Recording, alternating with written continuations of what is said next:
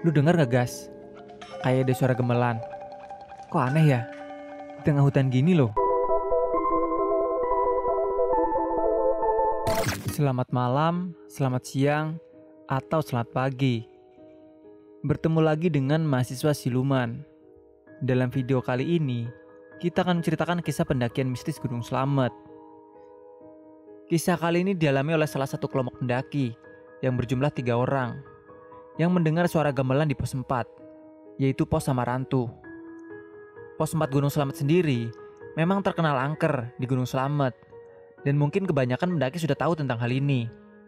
Salah satu pendaki dari tiga orang tersebut meninggal, dan ternyata alasannya adalah misteri di baliknya suara gamelan itu sendiri. Daripada penasaran, langsung saja ke cerita. Tapi sebelum lanjut, jangan lupa like, share, dan subscribe-nya dan aktifkan notifikasinya. Pasang earphone-mu, siapkan tempat dan posisi yang nyaman. Selamat mendengarkan. Segala perlengkapan mendaki telah disiapkan. Kami memilih lewat jalur Bambangan, Desa Kutabawa, Purbalingga.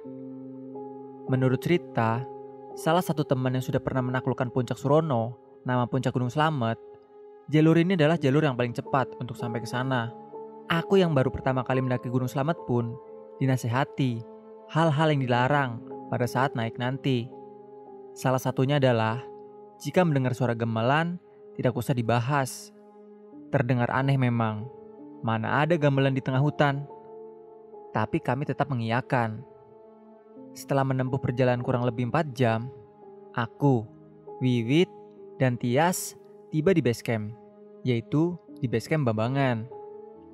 Kami sholat dan istirahat sebentar.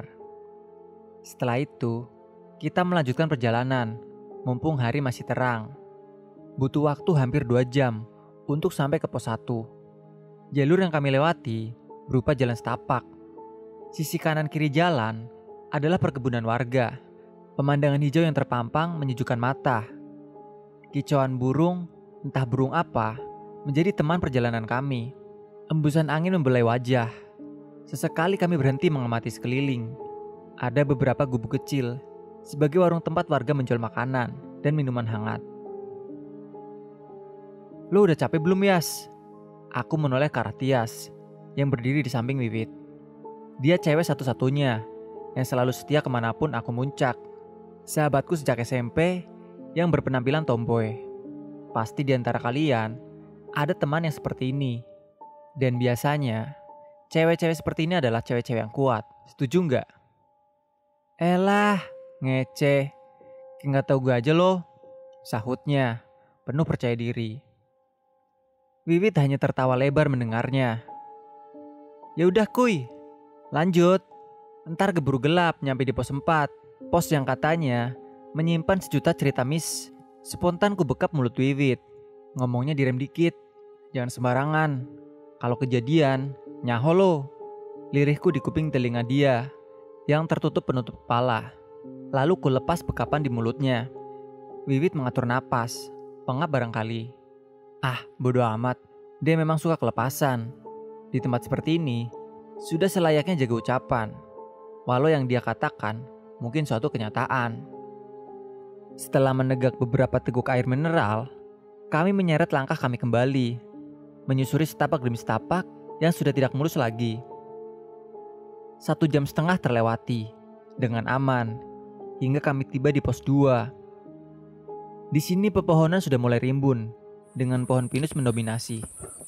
Jaket tebal yang kupakai cukup membantu melindungi tubuh dari dinginnya udara yang mulai menusuk. Kami terus melangkah. Jalan bebatuan yang lumayan licin membuat harus ekstra hati-hati. Kalau tidak, kita bisa tergelincir. Di sini, hutannya cukup luas dengan medan tanah.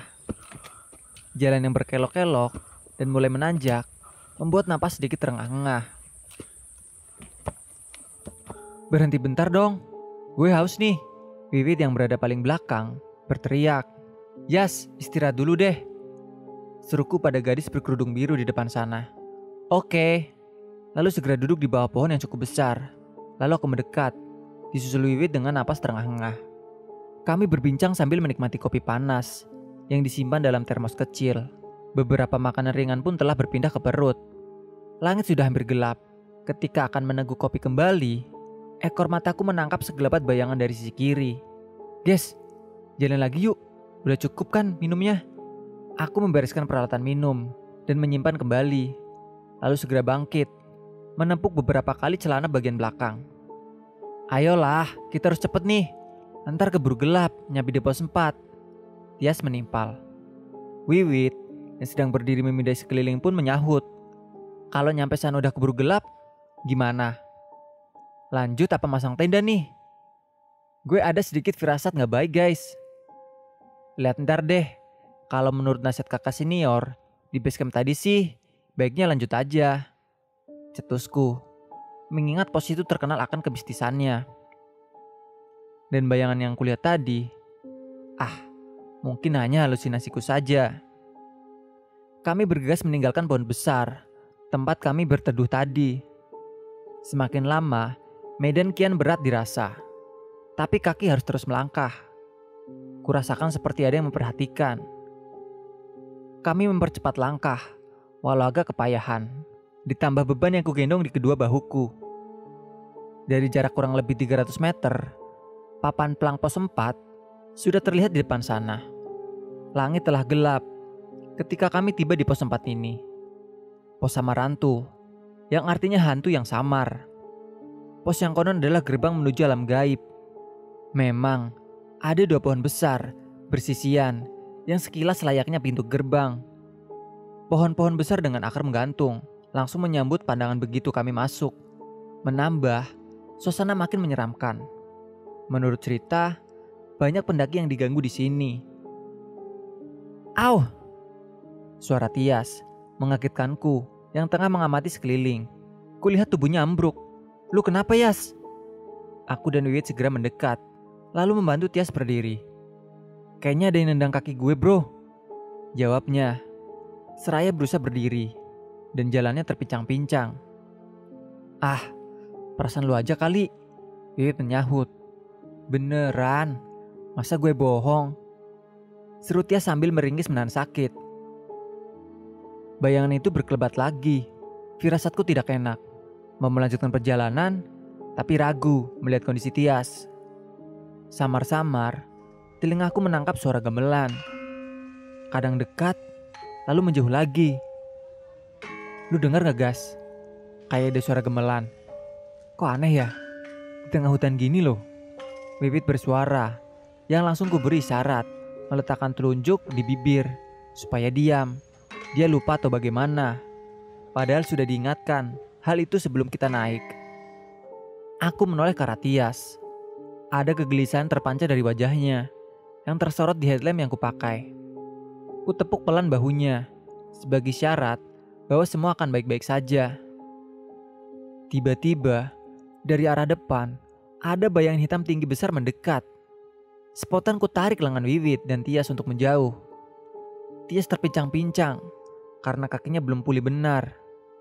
Kami terus berlari, menerobos semak belukar, menembus pekat malam.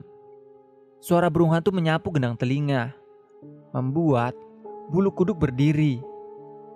Beberapa kali kakiku tersangkut sesuatu entah apa itu. Tubuh limbung hingga pegangan tanganku terlepas. Gas, Bagas, lu di mana? Itu suara Tias. Aku bisa mendengarnya, tapi tak kulihat kerlip dari headlamp yang dia pakai. Gue di sini, Yas. Tias. Suaraku menggema di antara bunyi binatang malam di hutan menyeramkan ini. Bagas! Gas! Tias masih memanggil. Namun, di mana dia? Shit, ada apa dengan mataku? Aku masih mengucek mata berkali-kali. Ketika tiba-tiba sebuah tangan dingin menepuk bahu. Seraut wajah rusak berlumuran darah yang sebagian tertutup rambut, tepat berada di hadapan manakala aku menoleh. Tubuhku mendadak kaku, ingin berteriak, tapi tak ada suara yang keluar. Merapalkan doa-doa dalam hati, hanya itu yang mampu kulakukan. Detik, detik, detik demi detik berlalu, kupejamkan mata, memasrahkan segala pada Tuhan. Namun, tiba-tiba datangan yang menyeretku. Syukurlah Akhirnya gue bisa nemuin lo. Ayo gas, kita harus cepat pergi dari sini. Lalu aku buka mata, sedikit tak percaya dengan yang ada di hadapanku. Kurasa tubuhku juga telah kembali normal. Makhluk yang tadi di depan mata telah hilang. Lalu tanpa babi bu, aku segera mengambil seribu langkah. Sebelum makhluk menyeramkan itu kembali menampakkan diri. Vivit mana Yas? Tanyaku dengan napas terengah-engah. Setelah berlari cukup jauh dari tempat tadi. Gue kehilangan jejaknya gas. Gue udah cari ke mana-mana tapi gak ketemu. Waktu lo jatuh tadi, gue masih lihat dia. Selanjutnya gue gak tahu dia ke mana. Ada penyesalan dalam nada bicaranya. Ya udah, habis ini kita cari bareng-bareng. Terus kaki lo gimana? Kok bisa buat lari? Emangnya udah gak sakit, Jas? Aku menoleh ke arah kakinya. Enggak, Gas. Waktu gue nyariin lu berdua, gue ketemu sama kakek-kakek. Dia nyembuhin kaki gue. Dia juga bantuin nunjukin keberadaan lu. Aneh sekali. Lalu mengapa kakek itu tidak sekali menunjukkan di mana Wit berada? Kami terus berlari dan sesekali berhenti untuk mengatur nafas. Lalu berlari lagi sambil manggil-manggil Wiwit. Hingga kami kelelahan, tidak ada tanda-tanda petunjuk keberadaan Wiwit. Kami memutuskan memberikan Teda demi memulihkan tenaga untuk melanjutkan percarian besok pagi. Lalu kami membuat perapian untuk menghangatkan tubuh. Aku berjaga di luar. Sekali mata terpejam karena kantuk yang mendera. Pagi pun menjelang. Kami bergegas melanjutkan pencarian setelah menelan beberapa potong roti dan meneguk air mineral sisa cuci muka dan gosok gigi. Di tengah perjalanan, kami bertemu beberapa pendaki yang turun. Mereka bercerita bahwa di pos 6 ada sosok mayat laki-laki di bawah pohon besar. Diduga, dia adalah pendaki yang tersesat. Ciri-ciri yang mereka sebutkan mirip sekali dengan Wiwit. Sekarang, mayat itu sedang dibawa turun oleh tim menolong, Bang. Salah satu dari mereka memberi informasi. Oke, makasih infonya ya, Kak. Ayo, Yas. Kita harus cepat ke sana. Ajakku Tias yang masih tertegun. Kami mempercepat langkah ke pos yang dimaksud. Tak peduli dengan tatapan heran para pendaki itu, harus kupastikan bahwa mayat yang mereka temukan bukanlah Wiwit. Namun ekspektasi tidak sesuai kenyataan. Tulang di tubuhku seperti dilolosi, manakala netra aku menatap jaket yang melekat pada mayat di depan sana. Tias, dia takubannya denganku. Kulihat tubuh berbalut jaket biru itu dengan gemetar, menahan tangis, Segera kurai bahunya dalam dekapan. Jenazah itu adalah Wiwit, teman seperjuanganku, yang beberapa jam yang lalu masih berbagi tawa denganku dan Tias. Masih terngiang segala kekonyolan yang dia perbuat. Juga sifat sedikit keras kepalanya. Sekarang semua itu tinggal kenangan yang tersimpan abadi dalam memori. Menurut juru kunci Gunung Slamet, bunyi gamelan yang kami dengar kemarin adalah sebagai tanda sedang terjadinya pernikahan gaib. Dan Wiwit yang kelepasan membicarakannya harus menjadi salah satu pengiring pengantin pada upacara gaib itu. Selamat jalan kawan, semoga kau tenang di sisinya. Amin. Dan sekian. Jika kalian punya cerita seram atau mistis yang ingin kalian bagi, kalian bisa kirim cerita kalian melalui DM Instagram atau melalui email yang tertera di bawah. Sampai jumpa di video kami selanjutnya. Salam lestari, mahasiswa siluman.